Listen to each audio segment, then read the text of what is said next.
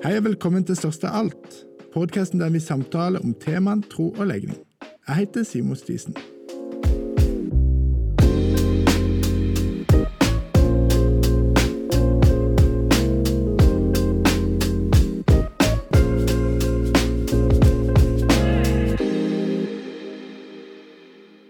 Dagens gjest er ung og har livet foran seg.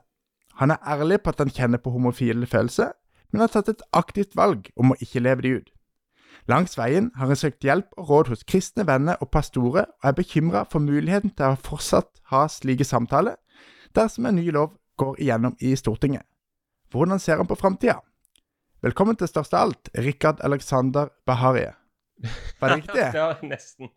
Uh, Be Behari. Behari. Jo. Ja, Så- riktig. riktig. Mm.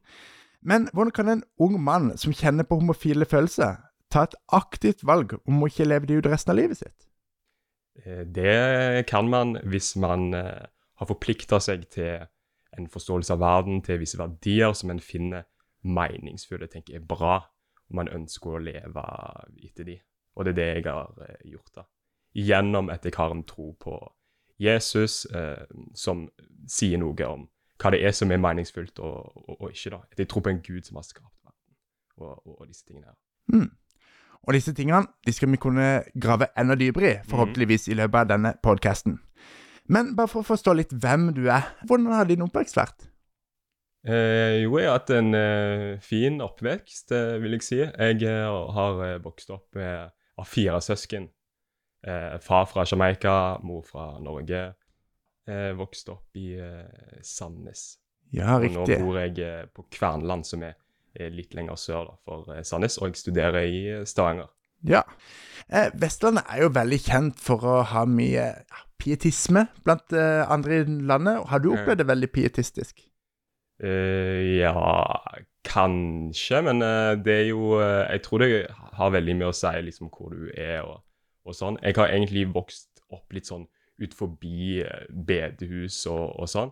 Jeg har en, vokst opp i en kristen familie, men vi har vært litt sånn for oss sjøl. Eh, ikke egentlig vært en så veldig sånn del av noe sånn veldig sånn stort og etablert. Eh, Mm. Sånn sett. Jeg har vokst opp med, med bønn og bibel og salmer og, og sånn, men akkurat sånn på søndagene sånn, så har det vært mer eh, min familie og en annen familie som har samles og vokst opp med liksom kristne, kristne verdier.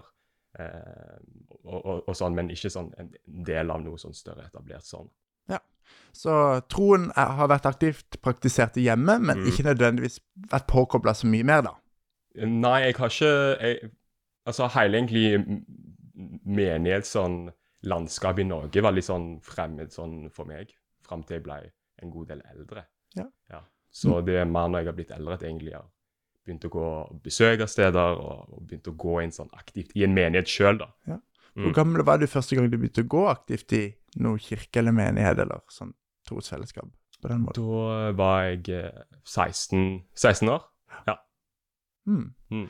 Eh, var det noe som skjedde på det tidspunktet, eller var det bare at du fant deg til rette i et sånt miljø? Det var eh, at eh, jeg var litt sånn interessert i eh, disse temaene, kan man si. Eh, rundt eh, ja, kristen tro, og òg i møte med sånne ting som evolusjon. Hva skal en tenke rundt det? Eh, jeg var veldig sånn interessert i bare ja, eh, vitenskap, eh, religion, eh, alt det her, da. Hva skal, hva skal en som kristen tenke om det? Mm. Og så var det igjennom det at eh, jeg ble òg eksponert for ikke bare sånne der, eh, argumenter om hvorfor en skal tro på Gud, men for evangelieforkynnelse. Mm. Eh, som jeg ikke hadde vært ja, eksponert for i samme grad før. Der en ikke kun snakker om de gode nyhetene som at eh, eh, ja, du skal bli tilgitt eh, og, og, og sånn, for altså, det er jo bra, men de tok òg opp de litt dårlige nyhetene, da. Men at det er faktisk noe galt med oss mennesker. Eh, og Det ble tatt opp på denne måten at de tok de ti bud. Eh, du skal ikke lyve, du skal ikke stjele, du skal hedre din mor og din far. Og så fikk jeg da se at eh, gjennom det ble tatt opp at oi, jeg, jeg er ikke så bra. Loven var som et slags sånn speil der man ser at man, man, har, eh, ja, man er ikke så, så god som man burde vært. Og gjennom det da så fikk jeg se at jeg, jeg trenger Jesus. De gode nyhetene om at Jesus døde for meg. eh, ga mening, da. Mm. Mm. Mm. Og disse tingene de landa veldig i den ungdomstida, når du begynte å gå i kirke og aktivt delta i miljøet der. Man snakker mer om disse tingene. Ja, eller det var faktisk egentlig eh, før jeg begynte å gå i menighet, at eh, disse andre tingene var litt sånn Ja, eh, landa for meg, da. Jeg var Jeg satt litt sånn for meg sjøl, og eh, det var omtrent på denne tida her, for sånn syv eh, år siden, eh, at jeg satt og bare liksom for meg sjøl og hørte på ting. Eh, YouTube, roten til alt ondt, og òg til noe godt, da. Eh, der jeg ja, kom over denne typen eh, forkynnelse. Og så var det etter det at jeg fant ut at ah, jeg har lyst til å være en del av en menighet òg. Mm. Så var det når jeg ja, ble eksponert for det her, at jeg òg vil si at jeg hadde min sånn omvendelse. Mm. Eh, der tro hadde noe å si for mitt liv, eh, hva som er viktig for meg, for måten som jeg lever på, på de verdiene som jeg har. Mm. Eh, det å lese i Bibelen ble noe som var viktig for meg. Jeg ønsker å se hva som står der. Mm. Eh, og jeg ønsker også å være del av en menighet med andre som gjør det samme. Interessant. Mm. Så du skildrer det at du er vokst opp i en kristen tro, at du tar et mer sånn aktivt valg om, å, om omvendelse eh, Mhm. i ungdomstida og sånne ting. Men noe som òg veldig ofte gjør seg gjeldende i ungdomstida, det er jo dette som går på dette med legning eller homofile følelser eller første og sånne ting. Og Mm. Hvordan var det for deg? Ja, som de uh, fleste menn, eller gutter, da når vi er tilbake til den tida her, så er jeg veldig interessert i uh, jenter. eh, Og alt egentlig sett for meg at jeg skal gifte meg med uh, en kvinne. Mm. Det er liksom det som har vært målet. Og eh, kompiser og sånn, de har bare vært kompiser, har ikke tenkt sånn noe mer eh, over det. Men så var det, når jeg gikk i sånn tiende, kanskje egentlig litt mer starten av videregående, at jeg begynte også å kjenne på det at jeg òg kunne kjenne følelser for samme kjønn. Mm. Eh, og eh, for, eh, for, for menn, da. Så da måtte jeg finne ut ok, hvordan skal jeg som er kristen, eh, tro på det som står i Bibelen, hvordan skal jeg forene disse to? Eh, jeg må finne en måte etter ja, hvordan jeg skal forholde meg til, til disse følelsene. da. Så det var litt sånn starten av ja, eh, videregående, egentlig kanskje første klasse, første året, andre året jeg gikk på videregående, at eh, jeg begynte å tenke litt igjennom det her. Og veldig fort da så fant jeg ut at eh, jeg måtte tolke disse følelsene, disse lengsene, i lys av eh, min, min, kristen, eh, min kristne tro. Og Åpna meg veldig fort òg for eh, venner og, og andre om eh, både følelsene og hvordan jeg forholdt meg eh, til dem. Var det noen konkrete hendelser som du husker tilbake på som gjorde at du ble bevisst på det? Var det på en måte en person du så som tenkte Oi, han her virka litt ekstra interessant, eller sånne ting? Var det en konkret hendelse? Ja, det var vel litt sånn flere ting, men altså eh, Man merker at man er tiltrukket til samme kjønn på akkurat samme måten som man merker at man er tiltrukket til motsatt kjønn. Mm. Eh, altså Man kan være tiltrukket til sånn spesielle personer, men nå har det alltid vært sånn helt uaktuelt for meg å, å, å bli sammen med noen av, av samme kjønn, så det fins jo også grenser for hvor langt det går, da, sånn sett. Men eh, det bare sånn generell tiltrekning som begynte å, å, å gradvis bli eh, Ja, eh, vokse mer og mer fram, fram til det ble så tydelig at jeg kunne liksom ikke benekte det lenger. Mm. Jeg så at OK, det her er, er realiteten. Så selv om jeg kanskje hadde visst en liten stund, så var det da på starten av videregående der at det var sånn OK, sånn, eh, sånn her er det. Det her er det jeg, jeg føler. Mm. Men eh, er du komfortabel med betegnelsen homofil, bifil, eller hvordan vil du, vil du putte noen merkelapp på det, eller hvordan ser du på det? Når, eh, når jeg begynte å åpne meg for venner om det her, så tror jeg en av de første jeg sa det til, så sa jeg at de var bifil. Eh, og så sa han ah, er du? Og så er det nei, jeg tiltok jeg til både menn og kvinner. da. Og, og grunnen til at jeg er litt sånn, vært, eller var litt sånn usikker på om jeg skal egentlig si bifil, det er fordi at når folk sier bifil, eller når folk sier homofil, så får du liksom inntrykk av at det, det her det er min identitet, det er den jeg ønsker å være. Eh, alle skal feire meg for dette her. Eh, veldig sånn identitet. Og identiteten den må du omfavne, for hvis ikke kan du ikke leve et fullkomment liv. Hvis ikke kan du ikke leve et meningsfullt liv. Men det var ikke, det var ikke min forståelse. Jeg tenker det at det, det som jeg føler, mine lengsler, min tiltrekning, er ikke nødvendigvis det som bestemmer hva slags verdier jeg ønsker å leve etter, hva vei jeg ønsker å gå. eh, jeg forplikter meg til noen verdier eh, som jeg tenker er bra. For meg som er kristen, så er det de som står i Bibelen, og jeg ønsker å leve i tråd med det. Eh, og når det oppleves som vanskelig. Så når jeg åpna meg da om det her, så hadde jeg allerede eh, tenkt igjennom eh, disse tingene. Så jeg, jeg, gikk egentlig ikke til mine venner for å få svar, men det var mer at eh, jeg så det at det at jeg var åpen om det her, kunne være bare sånn hjelp. At det, det var en slags bare hjelp at de rundt meg visste liksom hva jeg gikk igjennom. Men så så jeg òg på min historie som en mulighet til også eh, kunne snakke om dette temaet, altså homofili, Bibelen, på en måte som eh, ikke bare var bare sånn tørr teori, eh, men òg liksom personlig. For det var noe som jeg gikk igjennom. Jeg føler meg tiltrukket til både menn og kvinner, men jeg ønsker å leve i tråd med det som står i Bibelen. Mm. Og, og, gjennom at jeg sa det til starta med mine venner, tok liksom vennegjengen på videregående da, som én etter én, gjennom at jeg hadde de samtalene, eller gjennom at jeg sa det, så fikk vi ganske gode samtaler da, om, om dette, disse temaene. Mm. Eh, tror du at du er født sånn, eller blitt sånn? Tror du dette er flytende? Hvordan forholder du deg til de tingene? Hva tenker du om det? Ja, det er jo avanserte spørsmål sånn eh, med seksualitet. Hva er det som gjør at noen har akkurat den seksualiteten eh, som de har? Jeg, jeg, er ikke sikker på hva det er som gjør at jeg har akkurat den seksualiteten som jeg har. Eh, når du bare snakker Hvis jeg bare sier det som er på en måte min opplevelse, så er det ikke min opplevelse at jeg tok et aktivt valg om å få det her. For jeg er jo på ingen måte interessert i det. Eh, om det er en del av min liksom, genetikk eller hva det er, det vet ikke jeg. Men eh, mitt utgangspunkt eh, når jeg skal finne ut hvordan jeg skal leve, eh, er ikke hva jeg føler for å gjøre i øyeblikket. Og, og om så mine tilbøyeligheter til å gjøre det ene eller andre medfødt, så vil jeg ikke si at det legger grunnlaget for hva jeg eh, skal gjøre. Ifølge sånn kristen forståelse av verden så er det jo ikke sånn at eh, man finner ut hva som er rett gjennom å se inn i seg sjøl. Fordi at, eh, og det kan jeg også si at jeg studerer jo teologi, så Bibelen og sånn er veldig viktig for meg pga. det. Men altså, det som Bibelen sier, det kristne verdensbildet, det er jo at det, det er noe negativt med, med mennesket. Altså mennesket er falne. Vi snakker om arvesynden. Eh, og det er òg noe som preger vår seksualitet. Det preger min seksualitet. Jeg, kan, jeg, føler på tiltrekning til ting som jeg ikke burde leve ut. Eh, og ikke bare når det kommer til seksualiteten, men ellers òg. Jeg, jeg, jeg, kjenner noen ganger på at jeg burde gjøre én ting, men så vet jeg egentlig det er ikke det jeg burde gjøre.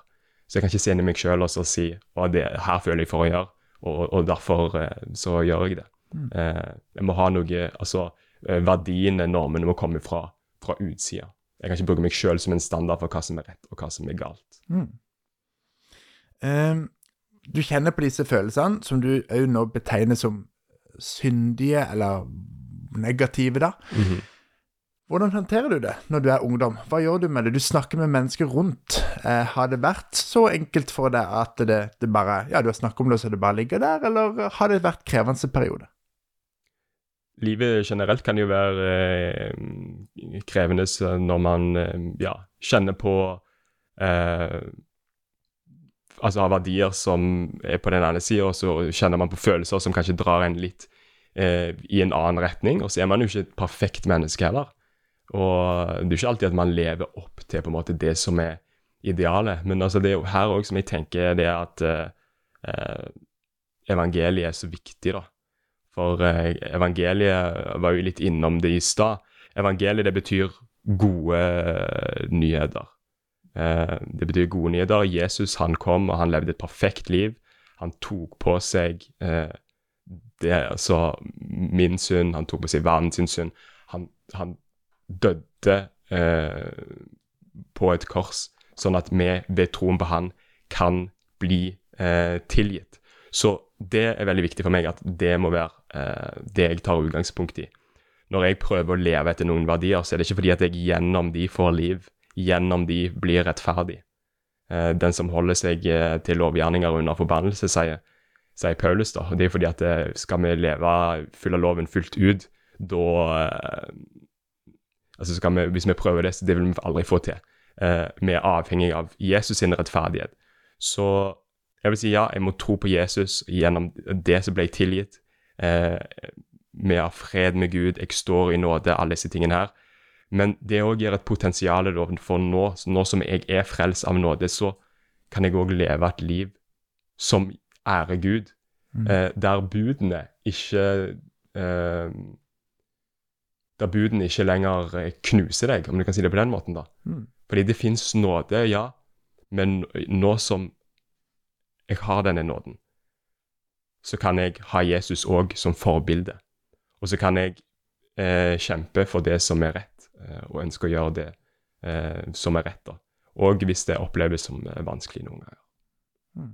Jeg kjenner meg veldig igjen i det du beskriver, det at hele fundamentet med eh, at man er kristen og velger å tro på evangeliet, det er at det er en nåde som bærer deg gjennom de tingene som er vanskelige. At du hele tida kan vite at, at du kan vende deg til Gud, Mm. og vite at det liksom Det, det bærer ikke av Altså, du bæres ikke av hva du sjøl klarer å prestere, men du bæres av det Jesus har gjort, da. Mm.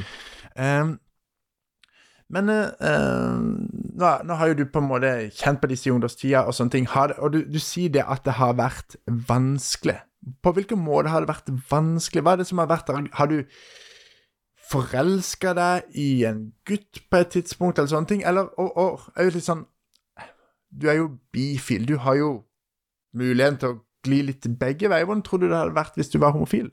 Hadde det vært vanskeligere da? Eh, Ja, det var liksom flere spørsmål der på en gang. Ja. Eh, eh, jo, altså, det hadde sikkert vært vanskeligere eh, da.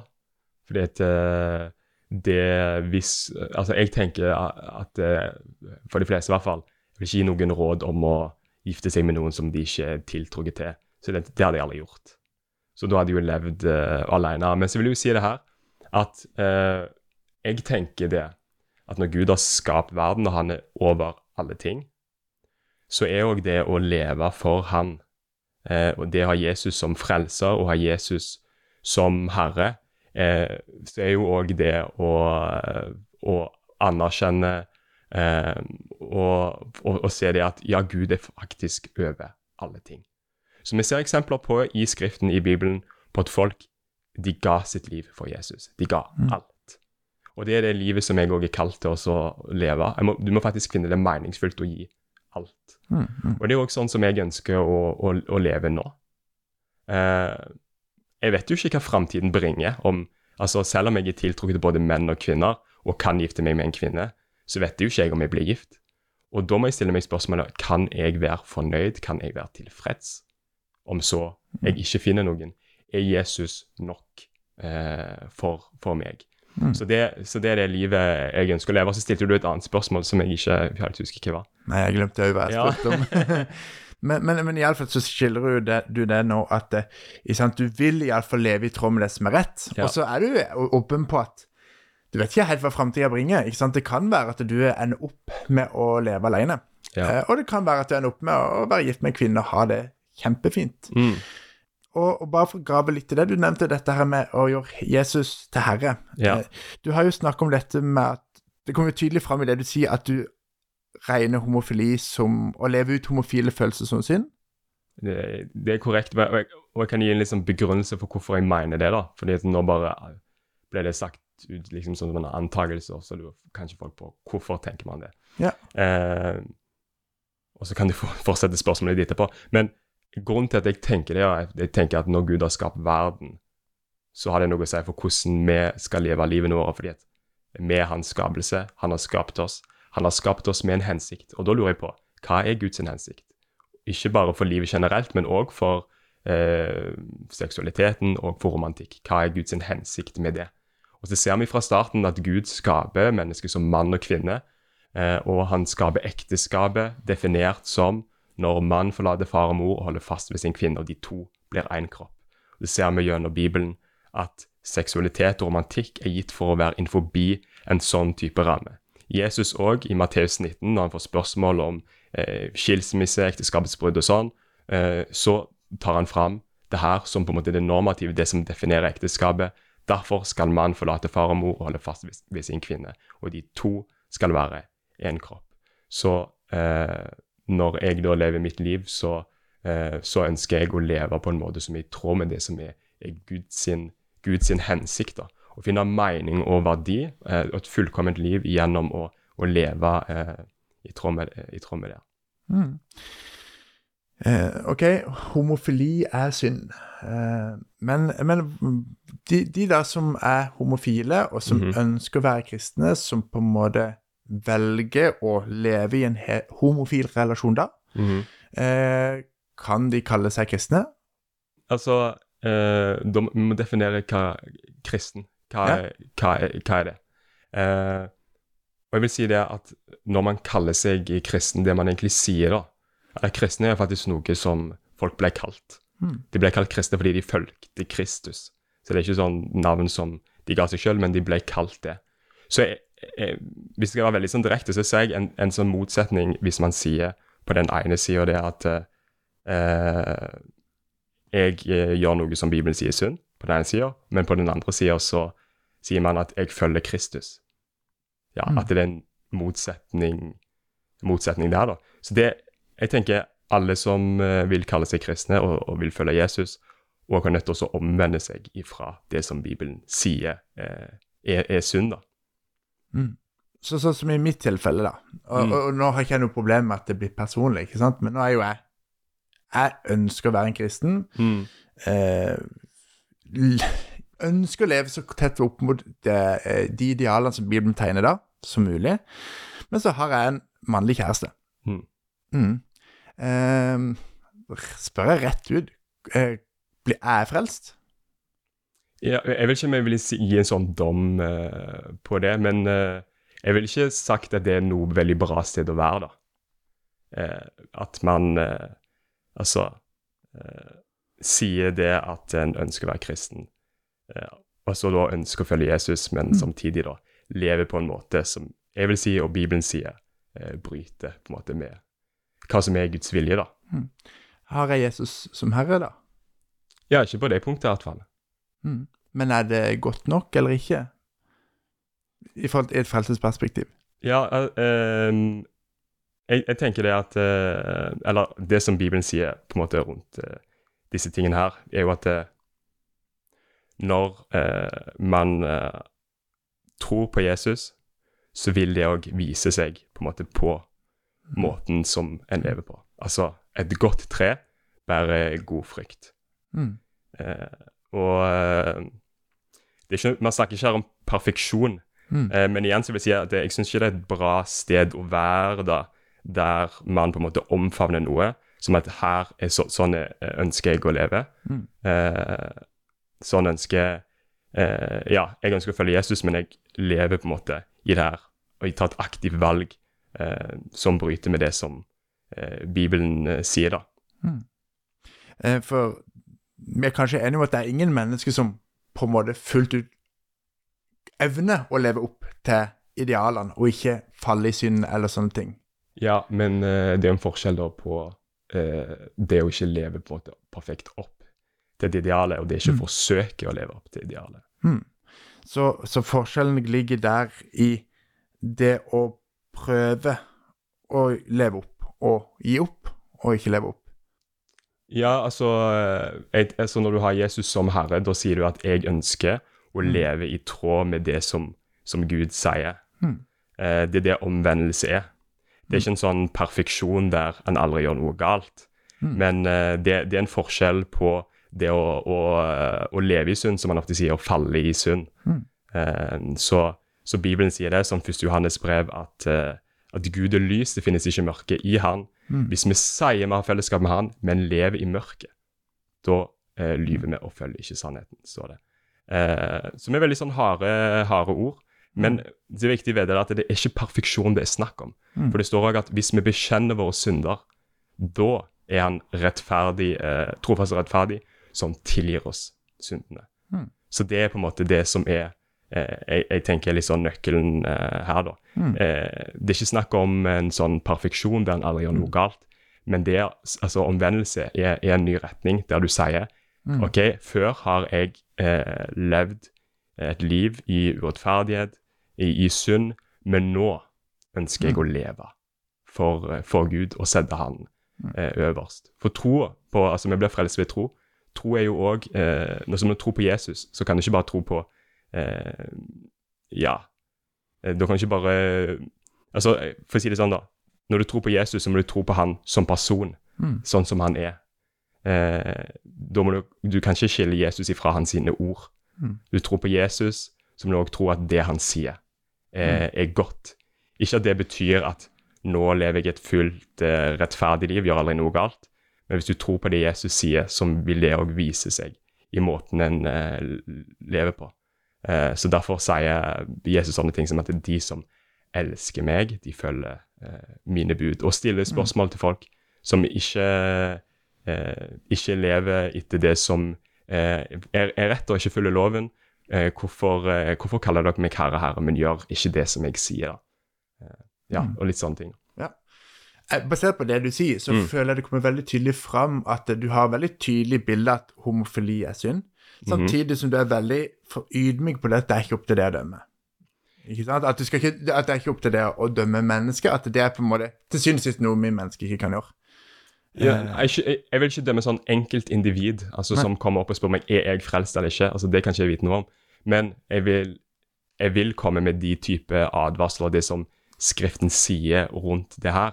Eh, at det, det å Altså hvis man er frelst, en sann frelse vil vise seg i, i gjerninger. Mm. Og det er faktisk sånn at eh, eh, altså Matteus 7, eh, vers 21 er det vel, eh, så sier Jesus at det er noen som vil komme til han og si 'Herre, Herre, har vi ikke gjort all slags ting?' Og så vil han si 'Vekk fra meg, dere som gjør urett. Jeg har aldri kjent dere'. Det, det sier, eh, sier Jesus om, eh, om folk som, som hadde eh, en slags tro på en måte, men det viste seg ikke i gjerninger. Altså, det var ikke et godt tre, da.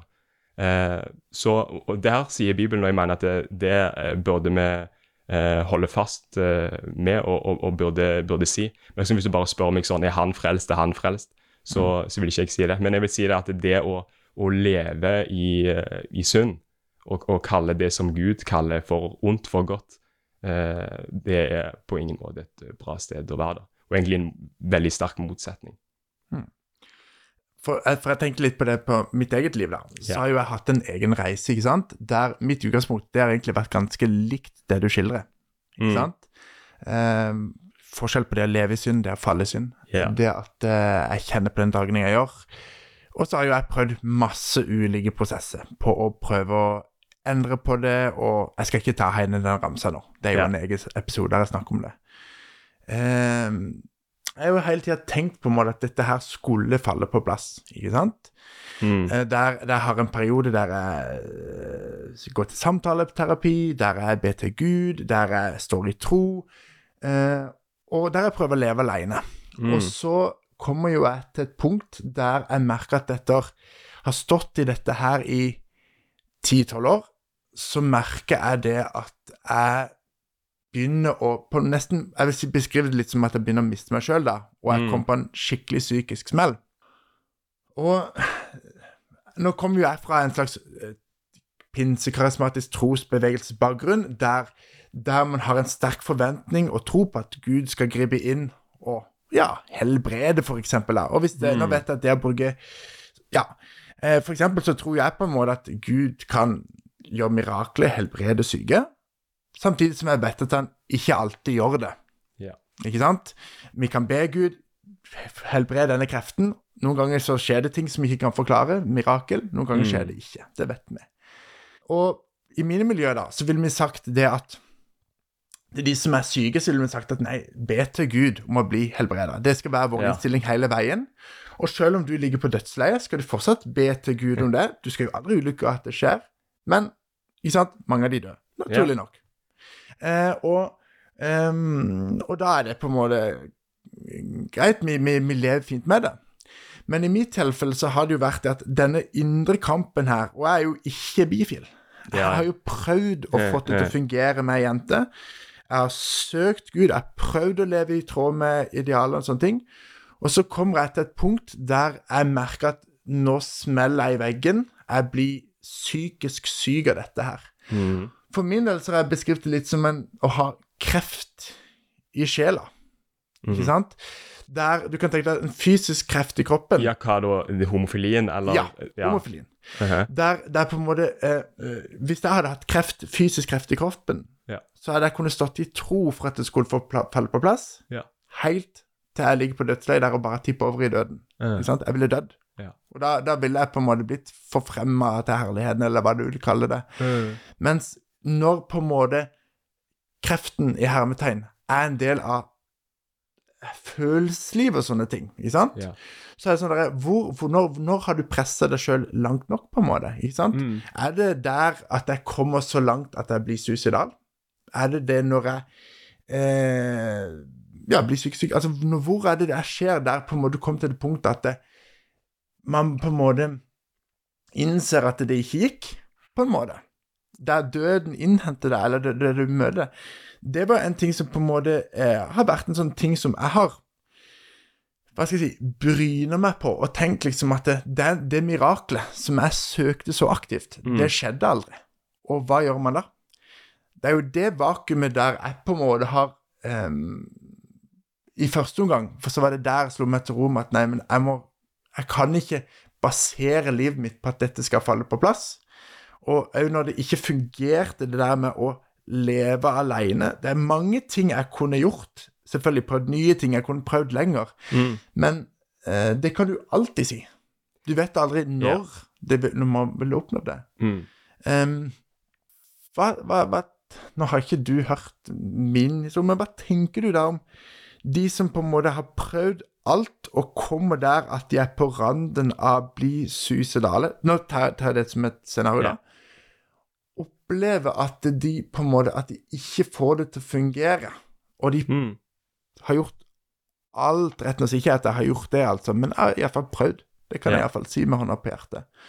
Um, har du noen svar å si til de som på en måte der det ikke går opp, på en måte? Ja, så da vil du snakke med den personen og så hørt uh, litt mer om den personen sin sånn historie. Mm. Men jeg kan si til det bildet som du ga med det, altså, uh, det her liksom som en slags sånn kreft, synes jeg kanskje er litt sånn uheldig bilde da. Mm. For du har en sånn derne, uh, jeg tror en god del, tenker det, at det som er målet, det er å bare være akkurat som, som alle andre, Mm. altså heterofil. Hvis Mm. det bare blir det, da er alt bra. Mm. Men så det, det jeg vil si, da, er at eh, vi mennesker, vi er syndere. Synd er ikke noe du blir kvitt her i dette livet fullt ut. Det er derfor vi trenger nåde. Mm.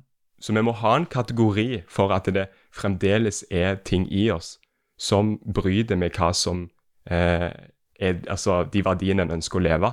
At det er en slags sånn kamp der som en vil ha hele livet. Mm. Eh, Paulus skriver at eh, han hadde ikke nådd fram til perfeksjon, og da tror jeg ikke at vi har det heller. Mm. Eh, vi har ikke nådd fram til eh, perfeksjon.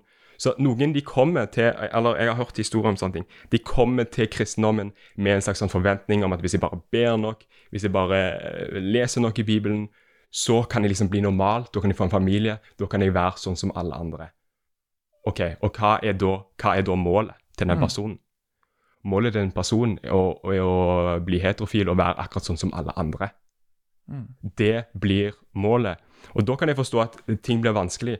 Hvis det å ha en partner blir så viktig for en at det eh, blir på en måte det som er meninga med livet, da. Mm. At det, du klarer ikke å se at livet blir meningsfullt hvis du ikke oppnår det. Og, og Bibelen og de kristne troa blir en slags sånn inngang til å gi deg noe som Mm. du da ikke får. Så, ser jeg, så kan jeg se at det kan være eh, veldig vanskelig. Og Jeg kan si, altså, jeg sa jo i at jeg studerer teologi, og det som jeg vurderer å skrive master om, det er eh, hvorvidt det går an å leve et fullverdig liv som singel og barnløs. Og da tenker jeg egentlig sånn, uten at du har valgt det sjøl, altså ufrivillig. Noen de får ikke unger, selv om de ønsker det. Noen er ufrivillig eh, eh, Altså, de ønsker å ha en partner, men de har ikke det. Altså, De er single, men de skulle ønske at de hadde en partner. Jeg ønsker å, å skrive om det går an å leve fullverdig liv eh, i en sånn tilstand, hvis man kaller det det. Mm. Og jeg tenker svaret er ja.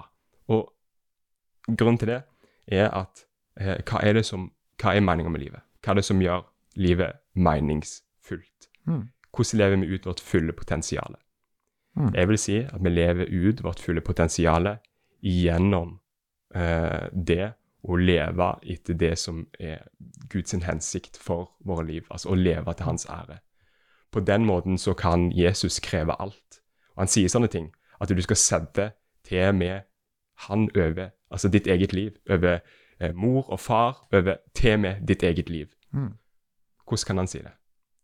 Jeg tenker han kan si det fordi han er så verdifull. Fordi det å han er så meningsfullt. Mm. Folk ga sitt liv eh, og har gått gjennom den mest grusomme måter å dø på. Hvorfor, har de, hvorfor er folk villige til å gjøre det? Mm. Kun fordi at de ser på Jesus som så meningsfull at de er villige til å gi alt annet. Mm. Du må finne glede i Gud for å kunne gjøre eh, noe sånt. Mm. Men så er det sånn at Gud har skapt verden så han er over alle ting. Eh, og eh, da er jo, vil jeg si at det er jo bare rett å gi han den posisjonen, fordi at han er bedre enn alt annet. Mm.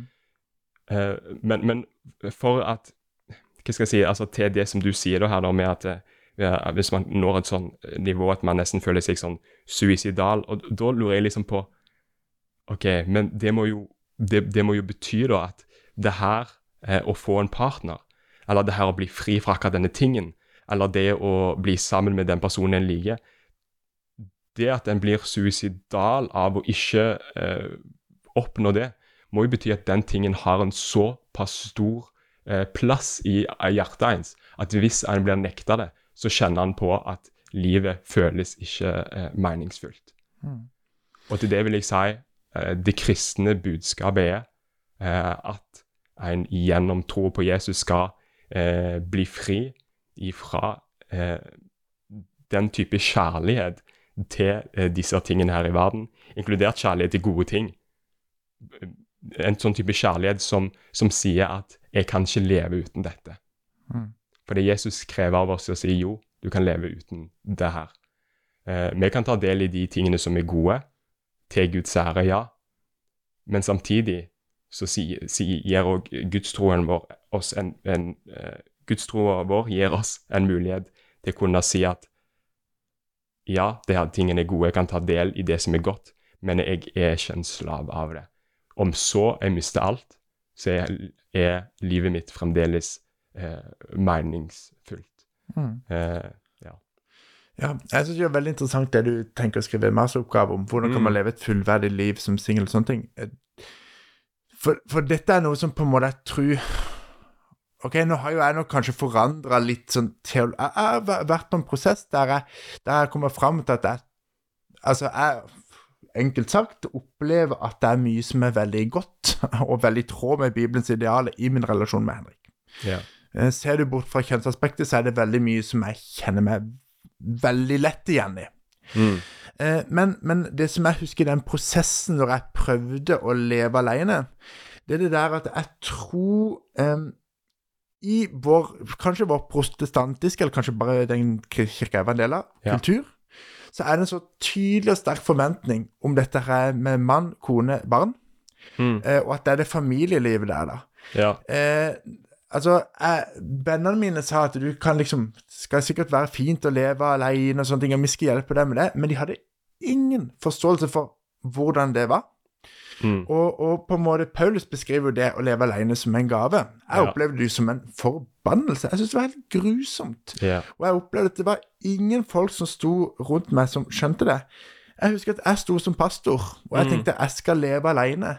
Så husker jeg det at det var Vi skulle ja, Kort sagt, vi skulle kanskje bli en del av dette Hillsong-nettverket. Mm. Går jeg inn på nettsida til Hillsong, der de har åtte pastorpar som står sammen på, inn på sine nettsider. ja. Og så står jeg, tenker jeg, kanskje jeg en dag skal være et bilde med, og så kommer jeg til å være den eneste som står der alene. Mm. Og, og på en måte det der, og når du da kjenner på det savnet, at du har ikke Ja. lyst til å være alene, så var det utrolig vondt. Eh, og, og der du føler at det er som at man vi i våre kretser har hatt vanskelig for å forstå disse tingene. Jeg tror jo på en måte at i, i katolske sammenhenger så har man jo hatt en mer sånn aksept for at det er noen som lever alene, og det skal være meningsfullt. ja. Det var et krav, faktisk. For, Faktisk et krav. og så tror jeg ikke katolikkene har skjønt det på alle ting, Mm. for å si det sånn, men, men det er jo noe med at de iallfall har noen andre tanker rundt de tingene der, da. Eh, jeg må også si eh, her da, at jeg er ikke så veldig sånn fornøyd nødvendigvis med på en måte vår uh, kultur i menighetene rundt uh, det her. Med en slags sånn forventning om at du må finne deg noen, og mislykke hvis du ikke gjør det. Uh, Paulus han var singel, og det har andre eksempler. Altså, Jesus han var singel. Og Jesus levde et full, altså Hvem andre har levd mer fullkomment liv, meningsfullt liv, enn det Jesus har? Likevel, han var singel de åra som, eh, som han, han, levde. Så jeg tror at vi må i større grad åpne oss opp for en sånn eh, tanke om at det å, å ikke finne seg en partner er òg en normal ting. Man er ikke et halvt menneske. Det er ikke sånn at man ikke lever ut sitt fulle potensial, og at det, du er noe som må fikses. Eh, nei, man må åpne seg for tanken om at ja, noen er, er singel. Og, og, så tenker jeg òg det at eh, Litt sånn som jeg sa i stad, altså du skal sette Jesus øverst. Mange sier det. De sier det til folk som identifiserer seg som homofile, at det, bare gi alt til Jesus, bare leve alene. Og så legger det fram som om det er litt sånn lett. Og mm. Folk kan kanskje få litt inntrykk av at jeg òg sier, sier, at det er lett. Det er ikke det jeg sier. Men, men eh, det som er poenget mitt her, da, at det er de som sier det, må jo leve likt sjøl. Mm. De òg har nødt til å sette Gud over familie, Gud over partner, Gud over alle disse tingene her. Og, og det høres kanskje litt sånn feil ut, fordi at det skal ikke partneren være den som man elsker mest. Nei, Gud har skapt verden. Han er den som elsker mest. Og så har han gitt oss en partner, og så har han gitt oss en familie. Og det er en god ting, men vi kan ikke sette familien over, over Gud. Men hvis det er sånn at man setter Gud øverst, da har man muligheten til å faktisk kunne òg eh, være gjestfri og elske andre. Og ikke ha en sånn der en norsk forskrudd idé om kjernefamilie og ingen må komme inn forbi der. Fordi det er folk som lever som single og som er veldig ensomme fordi at ingen gidder å, eller har mm. lyst og vilje til å invitere dem inn i, i, i, eh, i, livet sitt. Så jeg tenker at uh, hvis man krever av folk at de skal gi opp alt, de skal ikke ha en partner, da må man være villig til å kunne invitere sånne folk òg inn i mm. sitt liv, og, og, være, og, sånn at de ikke skal si det Altså, søndag ettermiddag så sitter de hjemme fordi at alle skal hjem til svigers, liksom, og så mm. inviterer ingen de med. Uh, det går mm. ikke an. Så jeg tenker at uh, det er ikke bare de homofile som må ta til seg Jesus sine ord der, men alle. Ja, det er 100 enig mm. Hvis det faktisk kirka skal ha noe troverdighet på dette, så, så, må man gå og se litt på hva man kan gjøre med kirkene for å skape rom for at det skal, å leve alene og sånne ting skal være meningsfullt. Ja. Eh, for de som tenker at de vil det. Mm. Eh, jeg kjenner meg mye igjen i de tankene som du har, når jeg var ung. yeah. eh, og det sier jeg ikke for å si sånn at om ti år til så kommer du til å være der jeg er. Det sier jeg ikke i det hele tatt. Men det er jo litt interessant for meg likevel å sitte her og lytte. Yeah. Eh, og kjenne meg igjen i det derre Ja, hvordan det var når jeg var yngre. Mm. Eh, når du ser ti år fram i tid, ser du for deg at det er kone og barn? Ja, men uh, jeg gjør kanskje ikke nok for oss å komme der. men uh, Ja, jeg ser på en måte for meg det. Uh, mm. Men ja, altså det livet mitt handler om nå, det er jo å følge Jesus i de tingene jeg gjør. Og mm. tenker jo at det, det, viktigste er jo for meg nå, altså før jeg får en kone Hva kan du si da? At eh, Efeserbrevet, der står det at mannen mann skal elske sin kone som Kristus elsker kirken, og ga seg sjøl for den. Eh, ganske høyt idealet. Og det er ikke sånn at når man gifter seg, så bare Oi, da ble vi veldig heldige.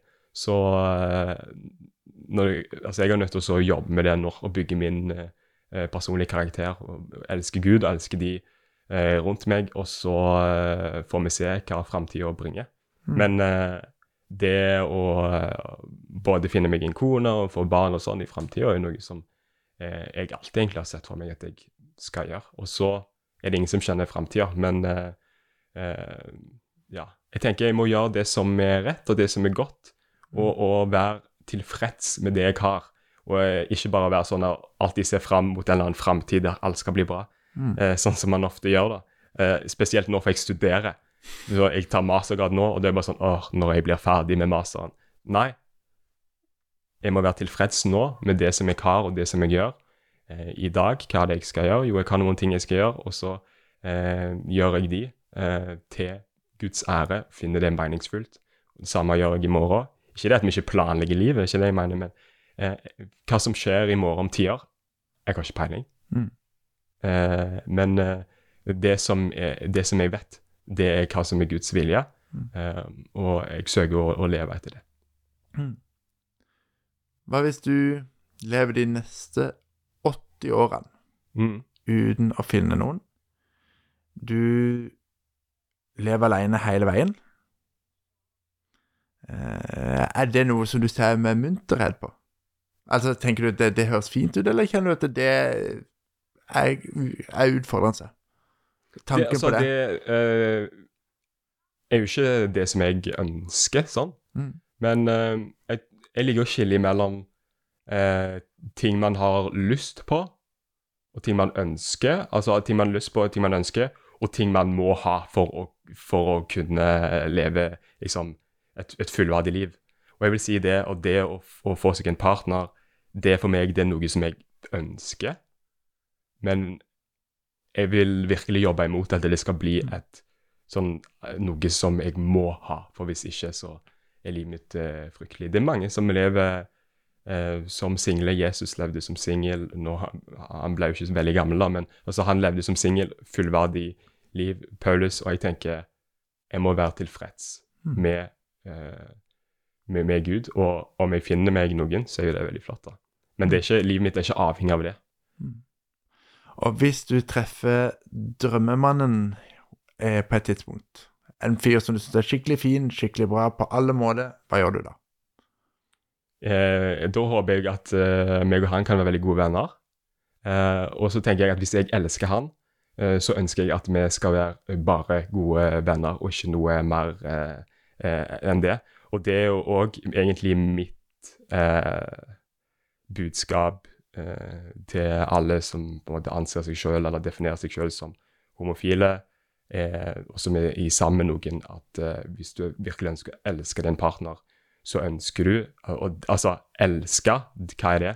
Det er jo å ønske det beste for noen. Jeg vil si det beste for folk, det er å leve i tråd med de verdier som Gud har gitt, fordi at Gud har skapt oss, han vet hva som er best for oss, han vet hva som er mest meningsfullt. Hvis du virkelig elsker din partner, så ønsker du at eh, den partneren skal òg leve i tråd med de verdiene. Så eh, et homofilt par, eh, det Gud ønsker for dem, at eh, de ikke skal være et homofilt par, men elske seg hverandre gjennom å være brødre i, i Kristus. Så når jeg treffer en veldig flott mann en eller annen dag, eh, og jeg har truffet veldig mange flotte menn, så mener jeg det at det som er rett, er at vi skal være eh, venner. Det samme vil jeg si hvis jeg er gift, og jeg eh, treffer en veldig flott eh, kvinne som ikke er min kone, så vil jeg si det. Jeg elsker hun best gjennom at vi ikke innleder et romantisk og seksuelt forhold, men at jeg er trofast mot, eh, mot min kone. Og det kan skje, for det finnes veldig mange eh, flotte kvinner i verden. Eh, men hvis jeg gifter meg, så skal jeg kun være gift med én person, ikke, ikke alle andre. Så man må, man må ha verdier som man lever etter. Eh, og så må man eh, fornekte seg sjøl, selv, selv om man eh, Ja, eller fornekte seg sjøl eh, og leve etter de, selv om verdiene. Så selv om det, man kan kjenne på tiltrekning til eh, andre ting. Um, litt sånn ting jeg ble litt nysgjerrig på. Um, de som er homofile, de kan være nære kompiser, brødre i Kristus, som Mm. du brukte betegnelsen. Uh, hvor går grensene for hva som er greit og ikke greit mellom de to? Ikke sant? Hvis du tenker det Jeg hører noen Det er noen som har kommet som, og sagt til meg liksom at ja, men Husker du ikke Bibelen, David og Jonathan? De var super close, ikke sant? Ja. Og det, det var noe fint ifølge Bibelen, Mm. men det var eh, Så vidt jeg kan se, så kan vi ikke lese inn at det var noe seksualisert eller romantisk der. Eh, Hvor går grensene, på en måte? Eller har du noen tanke om hvor den grensa går? Hvor close kan to brødre være uten at det blir romantisk og ja, synd? eh, rent teknisk så sa du det der, eh, og det er romantisk. Der, er- der tenker jeg grenser. Det er to ulike kategorier. Det, altså, det er veldig mange folk jeg er veldig glad i. Uh, som jeg også er veldig fascinert av. Som jeg bryr meg veldig om. Som jeg ikke har noe romantisk interesse for i det hele tatt. Uh, for eksempel folk i min familie, eller andre folk. Uh, og, og det som blir galt, er ikke at vi blir mer glad i hverandre. Det som, blir, det som er galt, er når det går fra å, å ikke bare være en sånn kjærlighet, at det er omsorg for hverandre, vi er glad i hverandre, men det går over til å bli romantisk eller seksuelt. Så rent teknisk, der går den grensa. Men i det levde liv, så er er det jo litt vanskelig å skille noen ganger. Altså hvis man er tiltrukket til samme kjønn, da, og man har en, eh, en relasjon med, med, med noen, og, og, og man kjenner på eh, Ja, at man kjenner at man er glad i noen, så OK, hva, hva var egentlig motivene her? Det kan være vanskelig å, å, å skille, men sånn er livet, på en måte. Um, og det er òg derfor Altså uh, Det òg har vært viktig for meg å snakke med folk om det her. Fordi at jeg må Mm. vite hvordan skal jeg forholde meg til det å være veldig nær kompis. uh, ja, å ha en kompis som jeg er veldig nær med, og flere kompiser jeg er veldig nær med. Hvordan forholder jeg meg til det når jeg er tiltrukket til, det samme kjønn? Samme òg med kvinner. så Jeg er tiltrukket til kvinner, og jeg har mange venninner som eh, eh, jeg er veldig glad i, som jeg ikke har noe romantisk forhold med. Hvordan ser det ut? Det er sånne ting som man har nødt til å tenke eh, gjennom. da. Kanskje sette opp noen sånne grenser for hvor langt man går. Altså for eksempel, eh, Det finnes grenser for eh, eh, hva jeg snakker om, og hva situasjoner jeg setter meg sjøl i når det kommer til konene til kompisene mine, f.eks. Selv om de er veldig flotte folk, så, så innser jeg at det er at eh, ja, jeg er et fallent menneske, og jeg eh, har nødt til å passe meg for hva slags type situasjoner jeg setter meg sjøl inn i. Mm. Og, og, og det handler jo om at eh, livet er, er, er komplisert, og det er ikke veldig, alltid veldig lett å så, skille motivene. Er det noen andre ting du tenker at det hadde vært greit å var innom? Altså, Det vi ikke har snakka så veldig mye om, eh, det er jo det her med konverteringsterapi. det er forbudet. Eh, eh, så jeg føler vi skifter litt kanal. Men Ja. altså, jeg, jeg sa jo her da at det har vært viktig for meg å kunne snakke med folk om disse tingene her. Og det, nå er det sånn at det er folk sånn som meg, og folk som hører på denne podkasten og sånn, er jo ikke nødvendigvis enig med meg, jeg antar, og vil kanskje tenke at det som jeg tror på, at de ikke tenker at det er rett, eller er, er, er, det er bra at man burde leve sånn, men uansett, her i Norge i dag så er det sånn at det finnes folk som tenker at ekteskapet er mellom mann og kvinne, og som òg er tiltrukket til samme kjønn. Og de ønsker å leve i tråd med det som er deres verdier, men de kan òg kjenne på det at det, det hadde vært fint å kunne åpne seg og snakke med noen om disse temaene. For meg har det vært veldig viktig å snakke med noen om disse temaene, og ikke bare sånn eh, gå til Skeiv Ungdom. fordi at eh, jeg er helt uinteressert i hva de har å si, for de deler ikke mitt verdensbilde Mm. eller mine verdier eller eh, noe som helst. De har, Noen av de har kanskje samme seksualitet som meg, men jeg bryr meg ikke om det. Det som betyr noe for meg, er å snakke med noen som peker meg i den retningen som jeg har lyst å gå i. Og det er jeg litt redd for da, med en sånn type konverteringsterapiforbud som når denne regjeringen vil ha overfor myndige personer, er jo at det sånn skal bli vanskeligere for, for meg og for andre i min situasjon. Det å kunne være ærlig med folk om hva de går igjennom. Jeg tror, jeg tror eh, resultatet er at vi kommer til å isolere mange eh, mennesker. Da, at de, de går ikke og snakker med noen. Fordi at de tenker å nei, det her kan ikke jeg snakke om, fordi at eh, de er så redd for kanskje blir passordene eh, fengsla og sånne ting. Og så blir jo òg eh, ja, kristne og generelt bare litt mer sånn varsomme for å si ting, egentlig. Mm. Du får liksom berøringsangst for temaet, fordi at du har ikke lyst til å gi råd til noen som kan vise seg å være kriminelt, osv. Som bare gjør at folk kan sitte og, og, og, og tenke på i kristne miljøer. Mm. OK, de sier at ekteskapet mellom mann og kvinne her. Jeg er tiltrukket eh, til menn. De sier at homofili er synd. Dette her kan jeg ikke snakke med, om, med noen. Mm. Folk kan sitte og tenke sånn, og det syns jeg eh, ikke er noe bra. For jeg eh, eh, Altså, man sier ikke alt til alle, men man bør si det meste til noen, tenker Ja. jeg, da, om ting man går, eh, går igjennom. Eh, og muligheten til å kunne snakke med noen som deler ens verdier, tenker jeg er, er veldig viktig. Og Der må jeg faktisk benytte anledningen til å si meg helt enig, fordi at eh, i, i, underveis i de prosessene jeg har gått, så har jeg jo gått til sånne type samtaler. Og for min del så var det eh, Jeg snakka ærlig med noen av mine venner rundt meg om det, men det var eh, ikke alle de som kunne forstå. Ja. På svaret de ga, så skjønte du at disse her skjønner det ikke. Eh, og da kom jeg inn på et tidspunkt inn i noe som kanskje ville vært ramma av den loven. Mm -hmm. Og for min del så var det et av de få stedene der jeg virkelig kjente at nå kan bare maska falle totalt. Fordi at her er det en som faktisk forstår, som ikke dømme fordi at han har innsikt i disse tingene. Eh, og det tror jeg ikke jeg hadde fått muligheten til å gå inn i hvis ikke. Eh, en sånn type eh, dialog da med andre mennesker. Og da ville jeg, i mitt tilfelle ville det innebært at jeg ville vært en som opplevde at jeg ble isolert fra andre mennesker. Mm. Og det kan da neppe være hensikten, tenker jeg. Ja, Nei, det tror jeg ikke er bra. Eh, men så kan jeg òg si det her at det er råd som blir gitt som jeg tenker er dårlige råd. Definitivt. Så jeg mener at altså, Nå er jeg studerer jeg teologi og sånn, så jeg leser litt i Bibelen og ser hva som står der. Og da tenker jeg, Da er det jo jobben til sånn som meg og andre å kunne kanskje si at ok, når du sier at uh, homofili er liksom en urein ånd som en må drive ut, uh, tror ikke, altså av kristne, da, mm. uh, så er det min jobb å si at det, det er ikke helt det Bibelen lærer, egentlig. eller når du driver med psykoanalyse, graver i barndommen, så vil jeg òg som teolog si at er ikke det litt mer Freud enn Bibelen? egentlig. Mm. At vi driver med psykoanalyse for å se hva var galt som gjorde at du ble sånn som du gjorde nå. Hvis vi bare fikser i barndommen din og med forholdet til foreldrene dine, så blir alt bra. Eh, jeg er ikke helt, helt med, på, med, på, det. Så vi kan kritisere, ja. Men å forby og kriminalisere, det blir liksom et litt sånn annet eh, nivå, da. Mm. Jeg tenker det at uh, ting kan være negativt. Uh, det kan være uheldig uten at vi nødvendigvis trenger å forby det.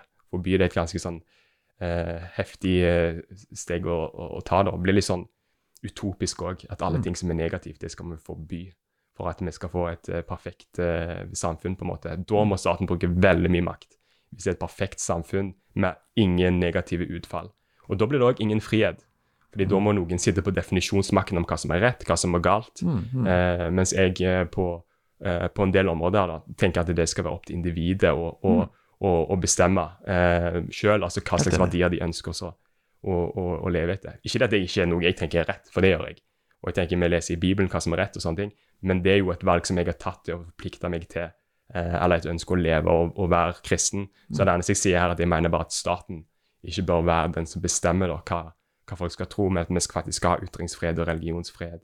Eh, muligheten til å kunne snakke sammen og, og, dele ideer uten at staten skal komme inn og blande seg inn, inn der eh, og prøve å hindre det at folk kan eh, ja, eh, skade seg sjøl i prosessen. At staten mm. blir sånn barnevakt. på en måte. Mm. Jeg er helt enig. Mm. Da ønsker jeg bare å si takk til det. Rikard Alexander jeg, jeg, jeg, vet hva, jeg gir opp. Rikard Alexander Behar... Nei. Behari. Behari. Takk for i dag, Rikard Alexander Behari. Tusen takk.